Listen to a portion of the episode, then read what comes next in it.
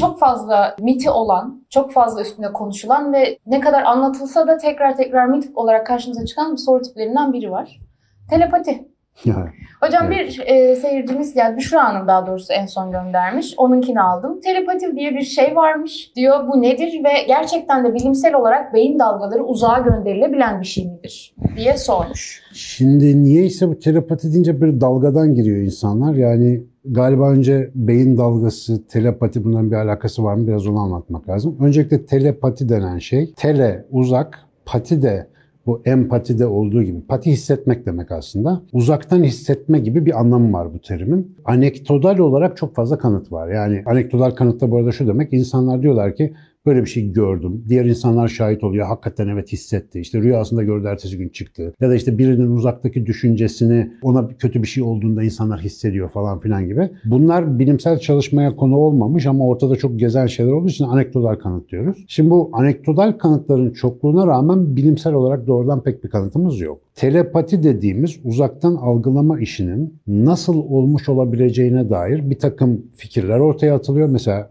arkadaşımızın sorduğu gibi beyin dalgaları üzerinden mi acaba diye. Biz o telepati deneyimi yaptığını iddia eden insanların bu deneyimi yaparken beyin dalgalarını ve işte o yaptığı şeyi izleyip kaydediyoruz. Fakat mesela beyin dalgalarıyla o konu arasında bir korelasyon bulamıyoruz mesela. Dolayısıyla anlıyoruz ki bu konu onunla ilgili değil gibi. Sonra bir kısmı diyor ki belki manyetik bir alanla ilgilidir. İşte manyetik alan ölçümü yapıyor. Telepati deneniyor. Gene olmuyor. Fakat bu tarz yetenekler diyelim yani telepati gibi, duru görü gibi ya da benzer parapsikolojik yetiler gibi her şey genel bir ortak özelliği var. Yani gerçek olanlar eğer varsa, gerçekten olanlar böyle her istendiği an tekrar edilemiyor. Yani bir insan oturup da ben şu anda telepati aha yaptım falan diyemiyor. Dolayısıyla biraz kazara oluyor bunlar. Hani ilham gelmesi gibi düşün. Hani işte bir anda böyle her gün beste gelmiyor ya bir bestekara.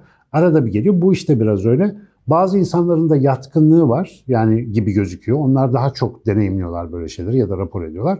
Benim gibi insanların da yok. Yani bende yok mesela telepati olayı. Şimdi bu kadar belirsiz, zamanı belli olmayan ve istemli olarak başlatılamayan bir şey de bilimsel olarak çalışmak zor. Ama beyin dalgası dediğimiz mesele 1901 yılından beri uğraştığımız bir şey. Yani 120 sene geçmiş üstünden. İlk defa Hans Berger kafa üzerinden kaydettiğinden beri biz beyinden bir takım elektriksel sinyaller alıyoruz. Ama nedir bunlar? Önce onu anlamak lazım. Elektroensefalografi, elektroelektrik, ensefalo beyin, kafa, grafi de yazdırma demek. Yani Türkçesi beyindeki elektriksel aktivitenin kafa tası üzerine konan, kafa derisi üzerine konan alıcılar vasıtasıyla alınıp yazdırılması. Şimdi ne ölçüyoruz biz burada? Kafamızın içinde bir beyin var. Bu beyin jöle gibi bir organ ama elektrikle çalışıyor. Fakat elektrikle çalışıyor deyince 4000 watt elektrik yok bunun için. Yani günlük zaten 25 wattlık ampul kadar elektrik yakan bir şey. Bütün yani 80 küsür milyar nöron ancak bu kadar elektrik kullanıyor. Ve çok mikrovolt düzeyinde minik elektrik oynamaları oluyor beynin yüzeyinde. Beynin yaptığı işlev gereği. Biz bu aktiviteleri kaydetmek için canlı bir insanın kafasının içine bir şey sokamayacağımız için ne yapıyoruz? Kafa derisinin üzerine elektrotlar koyuyoruz. Peki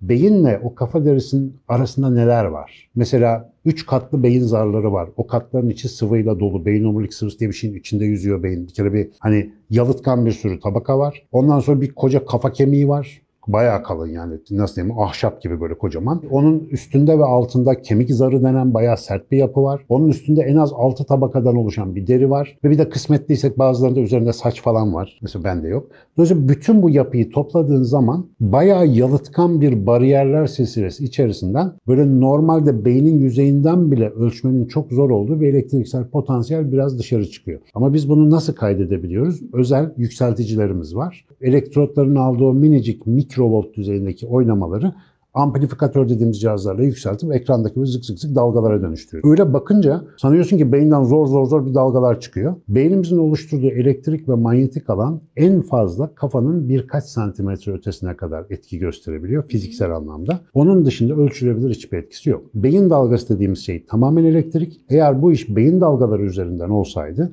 Mesela şu anda oturduğumuz yerdeki elektrik tesisatının bizi delirtmesi gerekirdi. Yani oradan yayılan elektrik enerjisi çok daha fazla. Beyinden yayılan dalgalar elektrik ve manyetik tabiatlı olduğu için muhtemelen telepati denen meseleyle pek bir ilgisi yok. Peki ne gösteriyor bu beyin dalgaları bize? Beyin dalgası beynin çalışma modlarını gösterir. İçeride ne olduğunu okuyabilmene imkan vermez. Ama ben bunu hep şeye benzetirim işte bir çamaşır makinesi mesela çamaşır yıkıyor. Elini üzerine koyduğunda ya da bir hareket sensörü bağladığında makineye mesela makine normal yıkıyor mu ya da duruyor mu çalışıyor mu veya sıkma döneminde bızz diye böyle yüksek frekanslı titreşiyorsa makine sıkma yapıyor dersin. Boğuk bir ses geliyorsa su alıyor dersin falan filan. Sadece böyle çalışma modları hakkında bilgi alırsın ama çamaşır makinesinin üstüne alıcılar koyarak içeride yıkanan çoraplar kimin renkleri ne, kaç tane iç çamaşırı var bunları söyleyebilme imkanın yok. Detaylı bilgi vermiyor sana onlar ama makinenin çalışma modunun hangi seviyede olduğunu söylüyor. Beyin dalgaları da diyor ki mesela bu insan uykuya girmek üzere. Bu insan rüya görüyor. Alfa, beta. Ha, ve alfa beta dediğimiz dalgalar.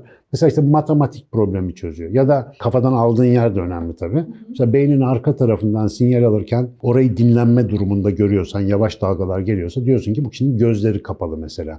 Görmene bile gerek olmadan bunu söyleyebiliyorsun. Sadece çalışma modlarını söylüyor. Mesela bir örnek vereyim. Siz kişiyi görmeden beyin dalgalarına bakarak o kişinin uyuyor mu, uyanık mı olduğunu çoğu zaman ayırt edemiyorsunuz. Yani illa kişiyi görmeniz lazım. Niye?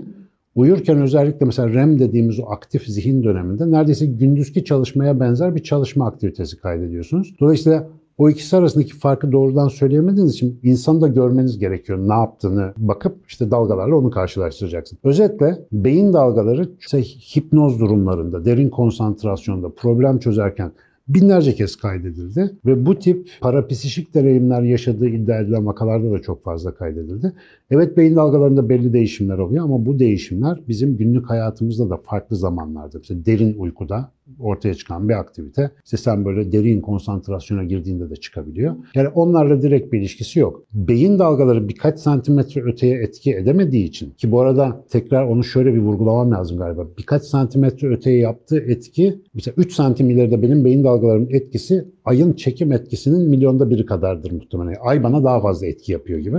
Çok çok düşük bir etki bu. Kaldı ki kilometreler ötesine bilmem ne erişecek bir yöntem bu değil. Ama faydalı bir aforizma olarak tekrar ediyorum ama bilimsel değil. Özellikle bunu kameraya bakarak söylüyorum. Sinan Hoca telepati açıklaması yaptığı gibi anlaşılmasın. Mesela kuantum fiziğinde bize gösterilen bazı bulgular var. Maddenin en ince dokusunda bir davranış biçimleri var. Bunları günlük hayatımızda görmüyoruz biz. Mesela evrenin iki ayrı köşesinde olan iki parçacığın birbirleriyle anında haberleşebildiklerine dair kuantum dolanıklığı dediğimiz falan hikayeler var. Şimdi biz de maddeden yapılı olduğumuza göre atomlar, kuarklar falan onlardan oluştuğumuza göre bizim de aslında en küçük düzeyde kuantum fiziğinin kurallarına tabi olmamız gerekiyor. Ama normal alemde bu etkileri pek göremeyecek kadar büyüyüz biz. Kuantum fiziğinin öyle bir durumu var. Yani çok küçüklerde geçerli. Madde büyüdükçe, ağırlaştıkça, kitlesi arttıkça kuantum etkileri göremiyorsun. Fakat bizim zihinsel süreçlerimiz hep böyle atomik, moleküler meselelerle ilgili olduğu için belki, belki yani bilemiyoruz. Öyle bir teori var. Uzaktan etkileşimler kuantum düzeyinde olabilir deniyor. Tabii bunu sınayacak bilimimiz henüz yok.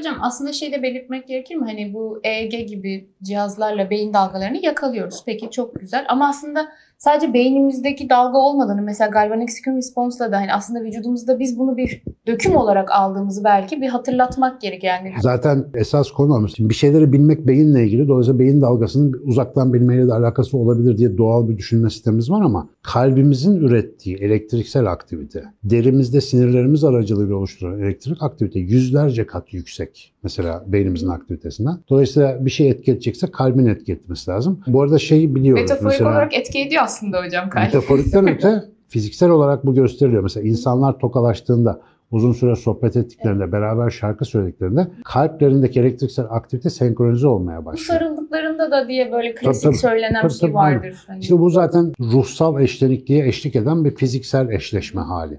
Bu zaten var. Ama mesela işte bunu kuantum fiziğiyle birleştirenler şöyle bir iddiada bulunuyor. Mesela anneler genellikle çocukların başına kötü bir şey geldiğini hissediyorlar. Hakikaten böyle bir vaka var. Yani insanlar çok rapor ediyorlar bunu. İşte gece uyandım, "Aa işte şöyle bir şey oldu. Ya işte annemin başına bir şey gelmiş sonra öğreniyorum. Ya anne diyor ki işte çocuğun başına bir şey gelmiş falan gibi. Yani bu tip vakalar o biraz önce bahsettiğim kuantum dolanıklığına çok benziyor. Kuantum dolanıklığında şöyle bir hikaye var. Normalde atom altı parçacıklar bir atomun parçalanmasıyla onun içinden çıkan parçalar şeklinde ortaya çıkıyor. İşte radyoaktif bozulmada mesela. Dolayısıyla bu bozulma sırasında o bozulma işlemi her iki parçacığa birbirini tamamlayıcı bir karakter verir. Yani mesela kuantum fizinde spin diye bir özellik var. Bunu parçacığın dönmesi olarak düşünebiliriz. Bir parçacık saat yönünde dönerek gidiyorsa öbürü tamamlayıcılık ilkesi gereği onun zıttı yönde dönerek gitmesi gerekir. Ama kuantum fiziğinde tuhaf bir şey var. Sen bunları ölçene kadar bunların ne tarafa döndüğünü bilemezsin ama bundan da öte aslında her parçacık hem saat yönünde hem tersine dönme özelliğini birlikte taşır. Buna kuantum eş durumluğu falan deniyor. Neyse bundan faydalanarak şöyle bir şey yapıyorlar. Aynı atomdan çıkan parçacıkları çok uzak mesafelerde ölçtüğün zaman şöyle bir şey oluyor. Bir parçacığı ölçtüğün zaman onun durumunu belirliyorsun. Normalde bunun bilgisinin öbür parçacığa da gidip onun da ters özellik göstermesi gerekiyor ama arada bir zaman geçmiyor. Yani bunun sen durumunu belirlediğin zaman onun da durumu şak diye belirlenebiliyor. Dolayısıyla o aradaki mesafeden bağımsız bir iletişim olduğu için buna İngilizce spooky connection deniyor mesela şeyde. Anında bir etkileşim söz konusu. İnsanda da böyle bir şey varsa ama tamamen bir benzetme tekrarlıyorum. Anne ve bebek bir ara birdi biliyorsun. Ya da böyle çok yakın insanlar bir dolanıklık halindelerse ayrıldıkları zaman aralarındaki mesafeden bağımsız olarak kuantum alanda bir bağlantı kalıyor olabilir diyorlar.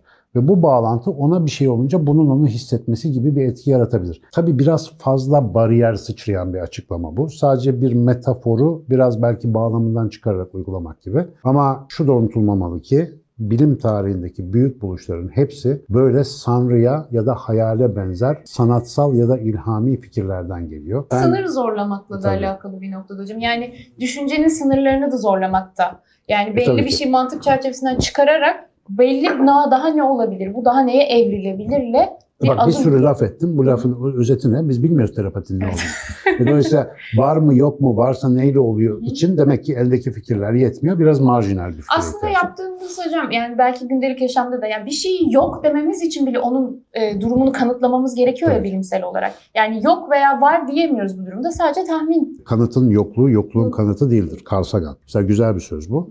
Bir şey yok diyebilmek aslında felsefi olarak mümkün değil. Şimdi bütün evreni gezeceksin de yok diyeceksin. Yani öyle bir şey yok. Birisi hele birileri rapor ediyorsa bu raporlama yani ben telepati yaptım lafı bu kadar sık geziyorsa kulağın üstüne yatmak akıllı bir insanın işi değil. Ha diyebilirsin ki ben bununla ilgilenmiyorum, benim ilgi alanıma girmiyor, bana makul de gelmiyor. Bunu demek de çok özgürsün. Ama böyle bir şey yokturu bilim otoritesiyle söylemek biraz insanın önünü tıkayıcı oluyor.